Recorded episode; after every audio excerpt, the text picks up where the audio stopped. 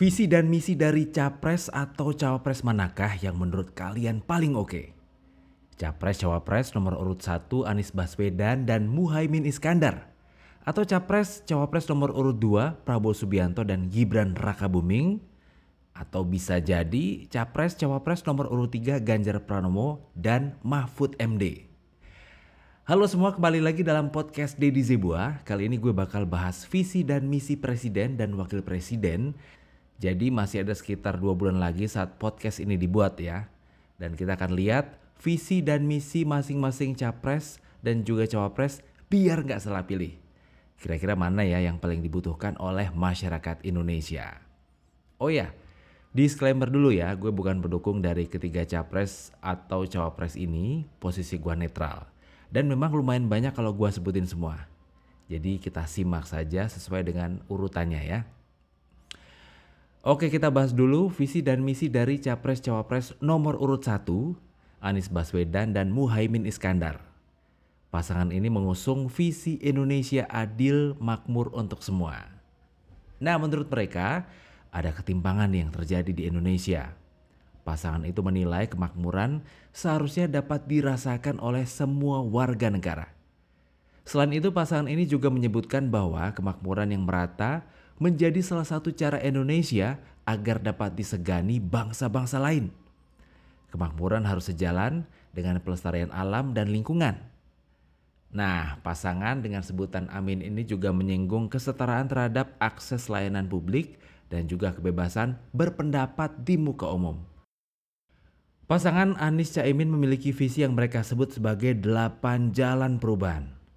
Nah, misi tersebut diuraikan dalam bentuk agenda dan program-program seperti ini nih. Yang pertama memastikan ketersediaan kebutuhan pokok dan biaya hidup murah melalui kemandirian pangan, ketahanan energi, dan kedaulatan air. Mengentaskan kemiskinan untuk memperluas kesempatan berusaha dan menciptakan lapangan kerja mewujudkan upah berkeadilan, menjamin kemajuan ekonomi berbasis kemandirian dan pemerataan, serta mendukung korporasi Indonesia berhasil di negeri sendiri dan bertumbuh di kancah global. Yang ketiga, mewujudkan keadilan ekologis berkelanjutan untuk generasi mendatang. Selanjutnya, membangun kota dan desa berbasis kawasan yang manusiawi, berkeadilan, dan saling memajukan. Mewujudkan manusia Indonesia yang sehat, cerdas, produktif, berakhlak, serta berbudaya mewujudkan keluarga Indonesia yang sejahtera dan bahagia sebagai akar kekuatan bangsa, memperkuat sistem pertahanan dan keamanan negara, serta meningkatkan peran dan kepemimpinan Indonesia dalam kancah politik global untuk mewujudkan kepentingan nasional dan perdamaian dunia.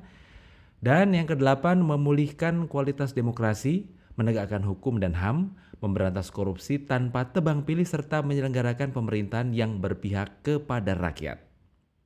Oke, itu visi dan misi dari calon presiden dan calon wakil presiden nomor urut satu. Kita lanjut ke capres cawapres nomor urut 2 Prabowo Subianto dan Gibran Raka Buming. Kita lihat visinya ya. Pasangan capres cawapres Prabowo Subianto dan Gibran Raka Buming Raka mengusung visi bersama Indonesia Maju menuju Indonesia Emas 2045. Dalam Pilpres 2024 ini, Visi pasangan diwujudkan dengan 8 misi astacita, 8 program hasil terbaik cepat, dan 17 program prioritas. Misi dan program yang ditawarkan Prabowo dan Gibran itu 8 misi astacita. Yang pertama memperkokoh ideologi Pancasila, demokrasi dan hak asasi manusia. Selanjutnya memantapkan sistem pertahanan keamanan negara dan mendorong kemandirian bangsa melalui swasembada pangan, energi, air, ekonomi kreatif, ekonomi hijau, dan ekonomi biru. Meningkatkan lapangan kerja yang berkualitas mendorong kewirausahaan, mengembangkan industri kreatif, dan melanjutkan pengembangan infrastruktur.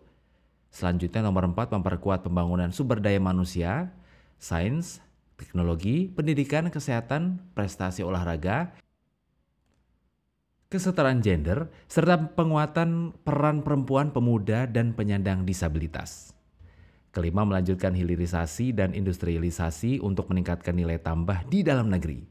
Yang keenam, membangun dari desa dan dari bawah untuk pemerataan ekonomi dan pemberantasan kemiskinan. Ketujuh, memperkuat reformasi politik, hukum, dan birokrasi, serta memperkuat pencegahan dan pemberantasan korupsi dan narkoba.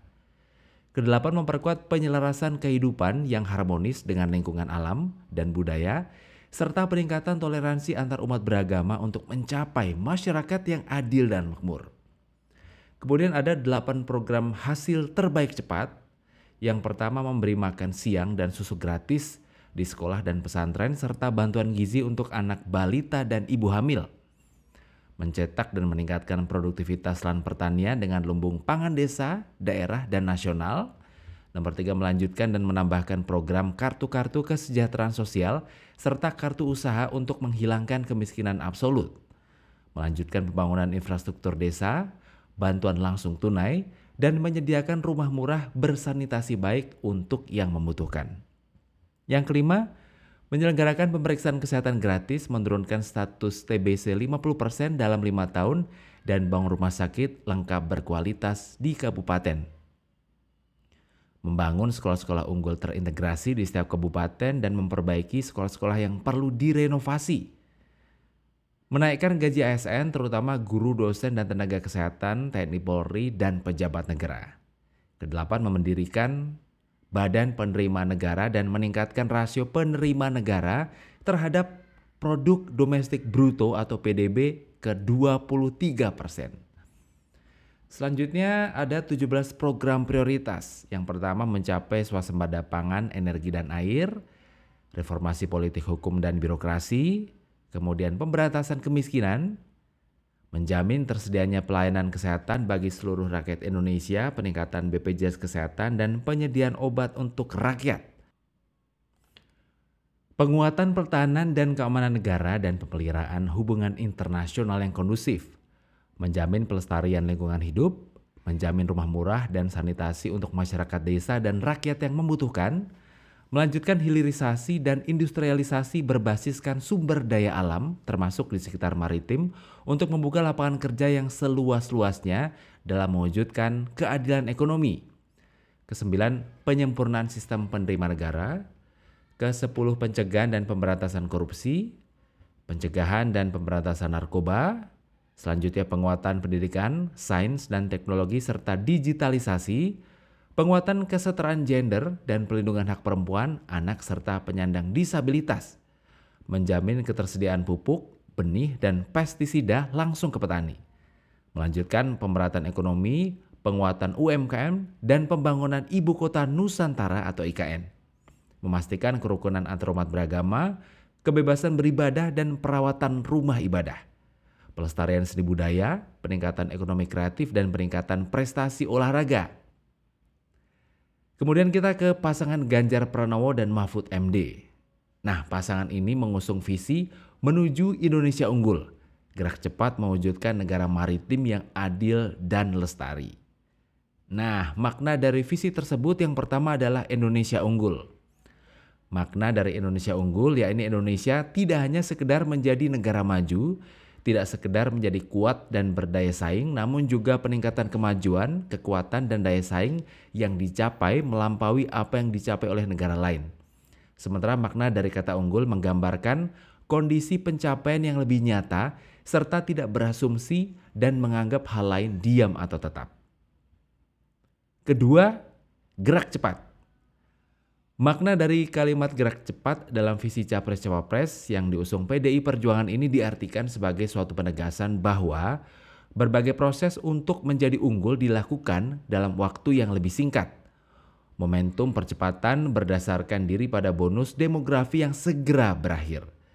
Gerak cepat ini akan dilakukan secara bersama-sama, bergotong royong dengan mengandalkan kekuatan kolektif rakyat melalui perencanaan matang – serta target dan tahapan yang jelas dan terukur yang dituangkan dalam konsepsi pola pembangunan semesta dan berencana. Ketiga, negara maritim. Indonesia merupakan negara maritim, oleh sebab itu kalimat tersebut merupakan kesadaran terhadap kekuatan dan posisi Indonesia yang akan membentuk paradigma baru bahwa laut bukanlah pemisah, melainkan pemersatu. Laut adalah jalan masa depan sekaligus kekuatan ekonomi, konektivitas, diplomasi, serta pertahanan dan keamanan. Laut dapat dimanfaatkan, dijaga, dan dirawat, serta berkelanjutan agar bermuara pada kedaulatan negara dan kemakmuran bagi seluruh rakyat Indonesia. Keempat, adil dan lestari. Sementara makna dari kalimat adil dan lestari merupakan muara dari langkah yang ditempuh seluruh elemen bangsa dalam membangun negeri. Rakyat hidupnya sejahtera, merasakan keadilan sosial terlaksana, dan hidup dalam alam Indonesia yang lestari. Sehingga tiap-tiap manusia Indonesia betul-betul merasa dipangku oleh Ibu Pertiwi. Kemudian pasangan Ganjar Pranowo dan Mahfud MD ini memiliki misi yang terdiri dari 8 poin. Mempercepat pembangunan manusia Indonesia unggul yang berkualitas, produktif, dan berkepribadian. Nah, misi ini terdiri dari lima poin penting yaitu kesehatan jiwa dan raga, pendidikan berkualitas dan merata, negara hadir, dan perlindungan sosial adaptif, budaya maju dan sportif, perempuan maju dan anak sejahtera. Kedua, mempercepat penguasaan sains dan teknologi melalui percepatan riset dan inovasi berdikari. Ketiga, mempercepat pembangunan ekonomi berdikasi berbasis pengetahuan dan nilai tambah dan berikut tiga poin penting dari misi ini, ekonomi unggul, berdaya saing, kedaulatan pangan, Indonesia pusat ekonomi syariah, dan industri halal. Keempat, mempercepat pemerataan pembangunan ekonomi berikut poin penting di antaranya pembangunan adil dan merata, bahagia dan sejahtera. Kelima, mempercepat pembangunan sistem digital nasional. Misi kelima ini mempunyai dua poin penting yang meliputi infrastruktur digital, kemudian SDM digital andal, dan ekosistem digital berdaya saing. Keenam, mempercepat perwujudan lingkungan hidup yang berkelanjutan melalui ekonomi hijau dan biru. Nah, misi ini memiliki tiga poin penting meliputi lingkungan hidup berkelanjutan, ekonomi hijau yang berbasis pada energi, ekonomi biru dari sektor kelautan. Ketujuh, mempercepat pelaksanaan demokrasi substantif, penghormatan HAM, supremasi hukum yang berkeadilan, dan keamanan yang profesional. Nah, misi ini memiliki tiga poin penting sebagai berikut. Demokrasi substantif, pemerintah yang bersih dan tulus melayani rakyat, hukum adil untuk semua lapisan masyarakat, aparat polisi yang profesional dan terpercaya.